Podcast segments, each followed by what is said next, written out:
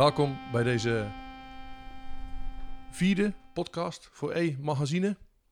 Uh, leuk dat je luistert, waar je ook luistert. En uh, mijn naam is uh, Broeder Dieleman, of Tony Dieleman, dat is mijn achternaam. Ik woon in Middelburg en ik maak...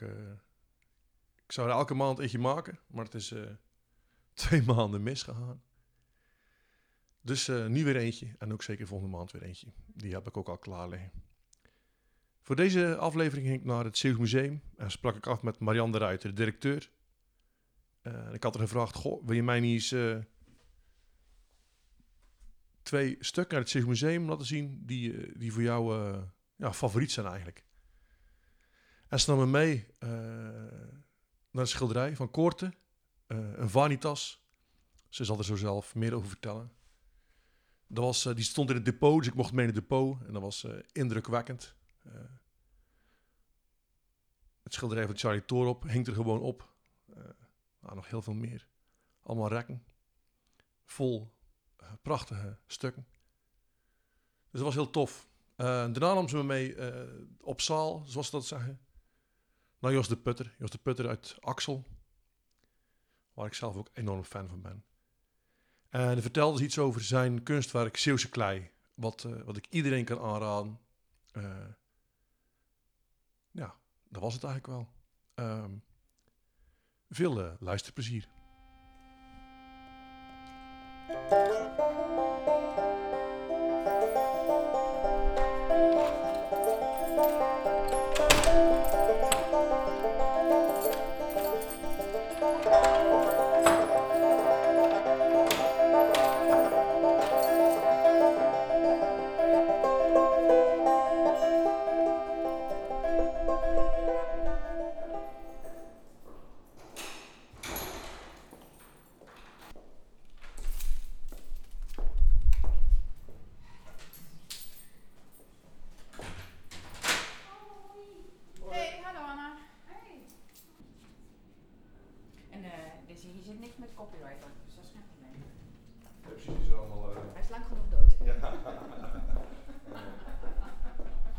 Waar kijken we naar?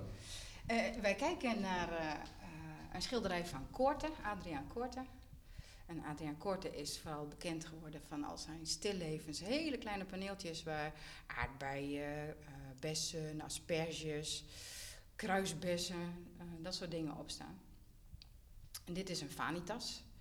En ik heb, dit, is ik heb dit, dit schilderij ook op mijn visitekaartje staan. Dus wij hebben als uh, personeel van het Zeeuws Museum, iedereen die een visitekaartje heeft, die heeft zelf een werk mogen uitkiezen uit de collectie. En dat staat op de achterkant van je kaartje. En dit is de mijne. Dus dat is ook de reden waarom ik jou hiermee naartoe neem. En ik heb deze uitgekozen om, nou, voor heel veel redenen. Ik, ik hou heel erg van vanitas schilderijen. Wat is een vanitas? Uh, nou ja, het ook wel, wordt ook wel memento mori genoemd. Mens gedenkt te sterven. En uh, vanitas gaat ook over ijdelheid, de ijdelheden. je hoort het al, ik ben behoorlijk christelijk opgevoed. Um, wat, ik hier, wat ik daar gewoon mooi aan vind, is dat we... We hebben de neiging om onszelf zo belangrijk te vinden. En zo, uh, nou ja, alles is zo belangrijk. En dit soort schilderijen wijzen je er voortdurend op dat uh, alles tijdelijk is. En uh, dat alles eigenlijk ook relatief is. En dat het belangrijk is om goed over na te denken wat voor jou nou werkelijk echt van belang is. En zit dat dan in uiterlijke schoon, of zit dat in status, of in uh, aanzien wat je hebt, of gaat het over andere dingen? En daar gaat voor mij zo'n Vanitas schilderij over. En daarnaast vind ik het leuke van Vanitas schilderijen dat het zo'n soort zoekplaatje is. Hè? Het is een, eh, een puzzel. Kun je, me, kun je me eens voor me omschrijven hoe, hoe die eruit zien? Uh, nou, het is wat, een, wat we zien, wat, wat ja, zien? Wat je, het is eigenlijk een heel donker schilderij. Uh, bijna vierkant, met een uh, goudkleurige bewerkte lijst. En in die lijst, op dat schilderij, zie je een soort nis waarvan um, de buitenkant grijzig is. De achtergrond is heel donker, bijna zo, eigenlijk zwart. En op een soort plint, ja, de, de, de, de, bijna, ik zou bijna zeggen een soort vensterbank, hè, maar er zit dan geen raam, maar er zit iets zwarts achter. Daar zie je allemaal attributen liggen die te maken hebben met zaken als die vergankelijkheid vertegenwoordigen en vluchtigheid, sterfelijkheid. Dus je ziet een, um, een behoorlijk prominente schedel. Maar je ziet ook een, een schedel, dat is duidelijk, hè? dat hoef ik niet uit te leggen. Je ziet ook een, uh, een pijp, zo'n zo'n wit aardewerken pijpje. Dat is aan de ene kant dat heel kwetsbaar zelf. Dus als je het laat vallen, dan is het stuk. Maar ook de rook die daar dan uitkomt van, van een pijp gaat heel erg over vluchtigheid, over tijdelijkheid. Je ziet een, een muziekinstrument. En volgens de beschrijvingen zou het een, een vioolachtige moeten zijn. Dat haal ik er niet uit. Dat haal jij misschien meer uit dan ik. Wat is dit volgens jou? Ja, het is een soort. het, is een, het is een vorm van een viool, maar het is een. een, een nou, wat wel grappig is, hij zit, hij zit, hij zit om de snaar heen. Ja, dat is echt gek, hè? Dat klopt die, die, die, die strijkstok lijkt wel alsof die, die, die snaren door de strijkstok en... en, en uh, ja. ja, maar ik zou heel gek uit. Ik zou het een eenvoudig, een soort, soort, een soort boerenversie van een viool uh, noemen. Mm -hmm. Ja, het is natuurlijk ook een vrij oud schilderij, dus het zou ook een voorloper van een viool kunnen zijn. Ja, zeker. Ja. Hoe oud is het schilderij? Ik weet nooit jaartallen, Tony. 1688. Zou heel goed kunnen. Het staat erop. ik, weet, ik weet nooit jaartallen. Dat is uh, misschien heel raar voor een historicus, maar ik weet nooit jaartallen. Maar jij bent historicus? Ik ben historicus. En je ziet een, uh, uh, het is eigenlijk een soort schaaltje waarin je een, een, een, lontje kunt doen voor vuur, met olie. Daaronder zie je een, een lont liggen, wat die, die nou, een heel klein beetje nagesmult. dat, dat, heeft natuurlijk ook te maken met tijdelijkheid. Hè? Als het op is, is het op. Je ziet een, een zakhorloge liggen. Met een, uh, kettingje voor in je zak. Je ziet een paar dobbelstenen.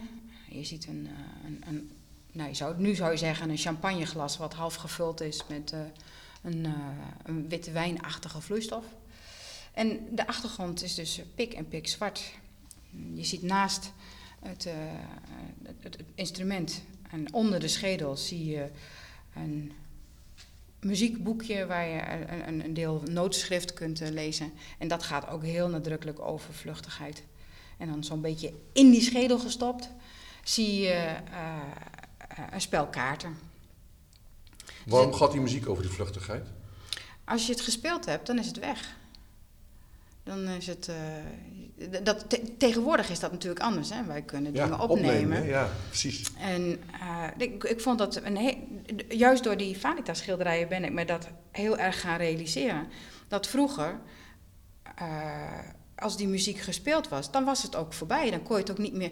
Je kon hem ook niet meer herluisteren. Dan, als het een fantastisch optreden was geweest, dan. Dat was het dan. Het moment. Gemist is gemist voor eeuwig.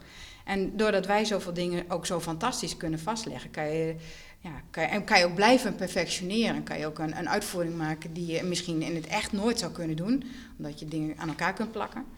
Dus vandaar dus die vluchtigheid van, van de muziek. Ja, dat is wel grappig dat jij dat, dat, dit, dat dan vertelt van eigenlijk is een museum zo tegenovergestelde van een Vanitas. Hè? Maar alles, alles, alles is hier om, uh, gemaakt om, om te bewaren. Het is niet gemaakt om te bewaren. Nee, oké, maar het museum, is, het museum wel, aan zich wel. Ja, wij, wij zijn er om te bewaren. Dat, uh, maar ook dat is relatief. Hè? De, tegenwoordig zijn de, de, de, de regels en de eisen zijn veel strenger. Maar er is een periode geweest dat je ook als museum heel makkelijk kon zeggen: Nou, dit past niet meer in onze collectie, dus dat wil ik niet houden. Dat, dat is nu niet meer zo. En, nou, en, en dat, ik vind ook dit, zo'n Vanitas, dan toch weer een hele goede um, ja, hoe zou ik dat zeggen? Reminder van als wij iets bewaren, dan is het dus ook bedoeld voor in de eeuwigheid. Dus dat je er heel erg bewust van bent als je iets nu niet bewaart, dan loop je dus de kans dat het er ook later niet meer is, op geen enkele manier. En als je iets wel bewaart, dan zadel je ook de mensen na je op met de dingen die jij bewaard hebt. Ten goede en ten slechte. Dus het, ik vind dat een hele grote verantwoordelijkheid. Het is ook een, ik vind het ook een verantwoordelijkheid die je als maatschappij hebt. En waar wij een, een voorhoederrol in spelen. dus dit, aan de ene kant, wat jij zegt, is het bijna tegenovergestelde. Aan de andere kant gaat het juist ook over mensen gedenkt te sterven. Dus als jij uh, uh, dood bent, wat wil je dat er van jou uh, doorgegeven wordt? Maar ook, hoe wil je herinnerd worden? Um, nou, de, deze tijd is het natuurlijk heel erg christelijke iconografie van... hoe wil jij straks tegenover de hoogste rechter staan? dat zit hier allemaal in. Was Eh, Koorte eh, christelijk? eh, ja, of, of was iedereen toen gewoon... Nou, dat, ik denk dat het toen bijna onmogelijk was om niet christelijk te zijn in de westerse wereld. maar om, of niet specifiek, ik zie niet specifiek echt christelijke symbolen, zou ik maar zeggen. Nee, maar een vanitas is bij uitstek een christelijk symbool. Want ik zie juist dat heel veel dingen die je helemaal niet mogen. En, Ja. En, Je mag niet roken, Ja, je mag Ja, niet spelen, toen je mag niet toen dobbelen. Toen mocht je er gewoon roken, hoor. Ja, toen wel. ja, maar drank en roken is natuurlijk wel altijd ge- geassocieerd met genotsmiddelen. Liederlijkheid. Liederlijkheid, ja, zeker. Hey, En muziek ook heel vaak. Ja. Muziek is ook in bepaalde kringen heel erg eh, eh, taboe geweest. Niet in die tijd. Eh, nee, dat, dat, ik, dat vind ik dus heel mooi. En wat ik heel, heel leuk vind ook aan dit schilderij... is dat het zo atypisch is voor Korte. Uh, Korte is vooral bekend van die, van die eh, stillevens... met allemaal hele mooie eh, vruchtjes en groentes. En ook op- eigenlijk ook veel lichter. Ondanks dat ook dat heel vaak gedekte tinten zijn. Dus we, hebben eh, een schilderij op zaal hangen van eh, aardbeien met eh, asperges. Dat, dat is bijna een schilderij wat licht geeft. En die, dit zuigt het licht er helemaal in. Dus die, tegenstelling, en ook dat het zo atypisch is voor korte, dat vind ik dan weer leuk. Eh, Ik hou wel van dingen die afwijken, die niet doorsnee zijn. En ik heb ehm, eh, één bord op eh, Pinterest, een, een memento mori bord. En het is grappig, maar dat is echt binnen de. Ik ben helemaal niet, eh, heb helemaal niet veel volgers of zo, maar dat is een van mijn meest favoriete borden. van mensen die dat dus volgen. Het is, er zijn zoveel mogelijkheden ook. En, en omdat er iedere keer weer andere symbolen in zitten, kun je dus ook bij elk plaatje weer opnieuw gaan denken: van ja, wat zie ik nou eigenlijk en wat betekent dat dan? En eh, waarom zou het er hier zitten? Ja. En ik ben helemaal niet goed genoeg onderlegd dat ik al die symbolen ken. Maar ik ken wel mensen die dat dus wel kennen. En die kunnen daar dan ook echt uren smakelijk over vertellen. Dus die, die- dat zoekplaatje, dat vind ik een van de charmes van dit soort schilderijen. Hey, ik heb, we hebben nog twee dingen volgens mij niet gehad. Eh, ik, links, eh halverwege links boven. Eh, daar zie, ja, dat is, dat, ik zag het zelf even niet, want dat, ligt, dat is natuurlijk het leuke van zo'n depot. Hè? Als je op zaal hangt, dan hangt er een, een, een spot op, zodat alles perfect uitgelicht is. Ja, we moeten nou af en toe eventjes te dicht bij... En hier in het depot, daar, eh, daar zit dus geen, geen goed licht op. Jij kan niet intussen lezen ook, Carina. De, lees jij het zo even voor wat er staat. Wat je, wat je ziet is een, eh, een, eh, volgens mij een soort eh, blaadje van een klimop. een wingerd. Een wingerd. Oh, oh, jij hebt het intussen gelezen. En wat staat daar? Eh, een wingerd geschilderd, klimop dat altijd groen blijft, verwijst mogelijk naar een andere, betere ja. wereld. Ja.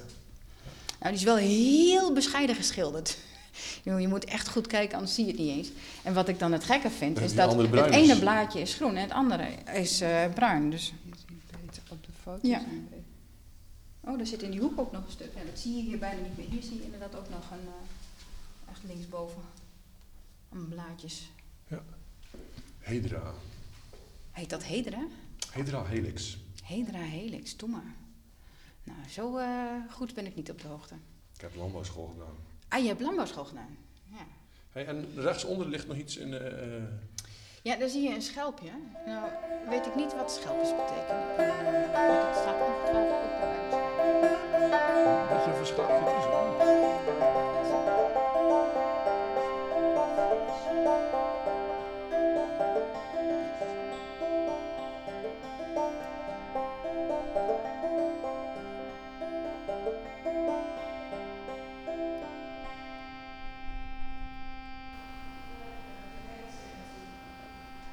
naar een, ehm, een werk van Jos de Putter. Jos is een filmer. Geboren en getogen in Zeeland, Zeeuws-Vlaanderen. En hij heeft voor het eh, museum een paar jaar geleden een film gemaakt. Een drieluik. Getiteld Zeeuwse Klei. En dat heeft hij gedaan op ons verzoek. Wij hadden een eh, heel groot jubileumprogramma waarbij we toen we 50 jaar bestonden, mensen gevraagd hebben: wat vind jij nou zo belangrijk dat je dat wil bewaren? En eh, daar hebben we meer dan duizend filmpjes uit opgehaald van mensen, allemaal mensen uit Zeeland die hier of wonen of hier op vakantie waren. En eh, we hadden aan, onder andere aan Jos gevraagd: van, nou, als je naar die filmpjes kijkt, beschouw dat als een soort eh, collectie.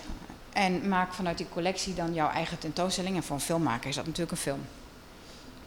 En Jos die zei dat wat hem opviel, dat heel veel mensen die filmpjes ingestonden hadden, dat die het landschap centraal hadden gesteld. Maar heel vaak vanuit een soort sentimentele reden van ja, het is altijd zo geweest, dus daarom moet het zo blijven. En die kwaliteit van het landschap, daar wilde hij per se iets mee doen, maar niet met die nostalgie. Dat vindt hij een. Nou, dat is niet een emotie waar hij iets mee kan. Maar hij, gaat, hij, hij is dus wel heel erg bezig met dingen die voorbij gaan. En, en, en hè, dat, is ook, dat is misschien ook wel de relatie met Koort. En misschien ook wel de relatie waarom ik dit werk zo bijzonder vind. Die, die vergankelijkheid, het verglijden van de tijd. Dingen die voorbij gaan. En soms weer terugkomen, want dit komt ook weer terug. Hè. Dus waar je naar kijkt is een akker. Waar aardappelen op gepoot worden. En die groeien en dan gaan ze weer weg. En dan het volgende jaar worden weer, uh, nou ja, niet per se aardappelen, maar wordt er weer iets nieuws gepoot. En Jos zei van ik wil iets doen met dat landschap. Um, ik wil ook iets, maar ik wil dus iets um, uh, waarin, die, waarin die, cyclus, waarin die terugkomt.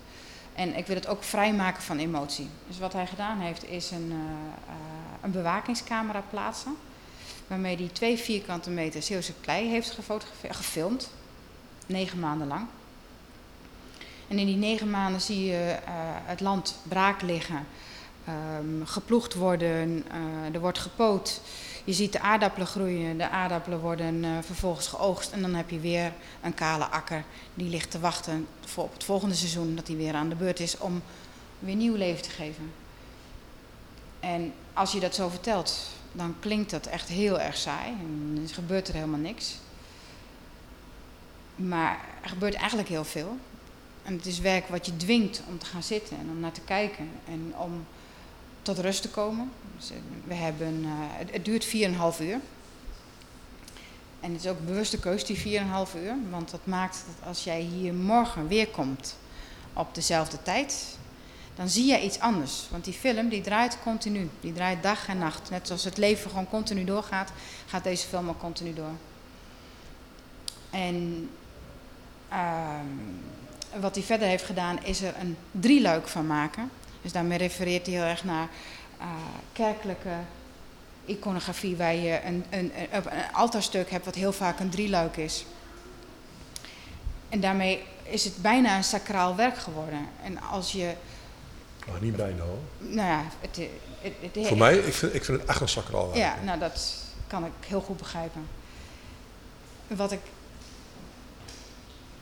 wat ik zelf hier heel, ja, wat mij heel erg raakt, is, ondanks dat alle sentiment hieruit is, het is gewoon pure registratie. Hè? Daarom heeft hij ook voor een bewakingscamera gekozen.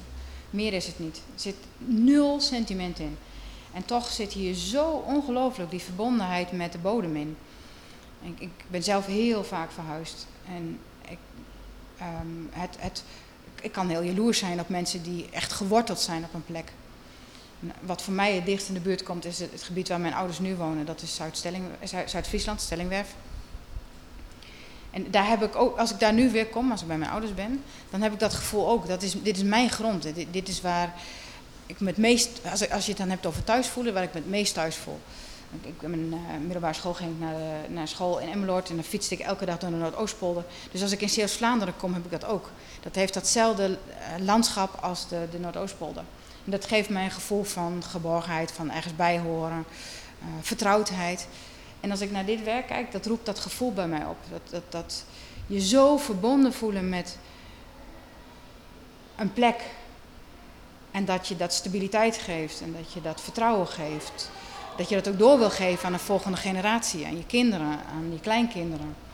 Dat je bereid bent daarvoor te vechten. Terwijl het in feite gewoon om een stuk grond gaat. Hè. Bedoel, als je het heel sec kijkt, ja, dan zou je ook ergens anders kunnen gaan boeren of ergens anders kunnen gaan wonen. Maar wij mensen hechten heel erg aan onze omgeving. En dit werk verbeeldt dat voor mij ultiem. En het brengt mij ook heel erg tot rust. Dus ik, ik, kan, hier, uh, ik kan hier tijden zitten. Gewoon kijken wat er gebeurt. En die drie beelden zijn soms gelijk, soms zijn ze verschillend. Um, je hoeft niks. Ja, het, het, voor mij brengt dit je terug bij jezelf. Ja. De, terug bij de basis. Ja, dus het knap is inderdaad dat, dat, dat ze ontdaan van emotie, terwijl ik hoef nog maar binnen te lopen en ik, en ik schiet er vol van, zeg maar zeggen. Dat vind ik echt, ja, dan ben je wel een hele goede kunstenaar als je dat kan doen, toch? Vind ik ook. Ja. Dat ben ik absoluut met je eens.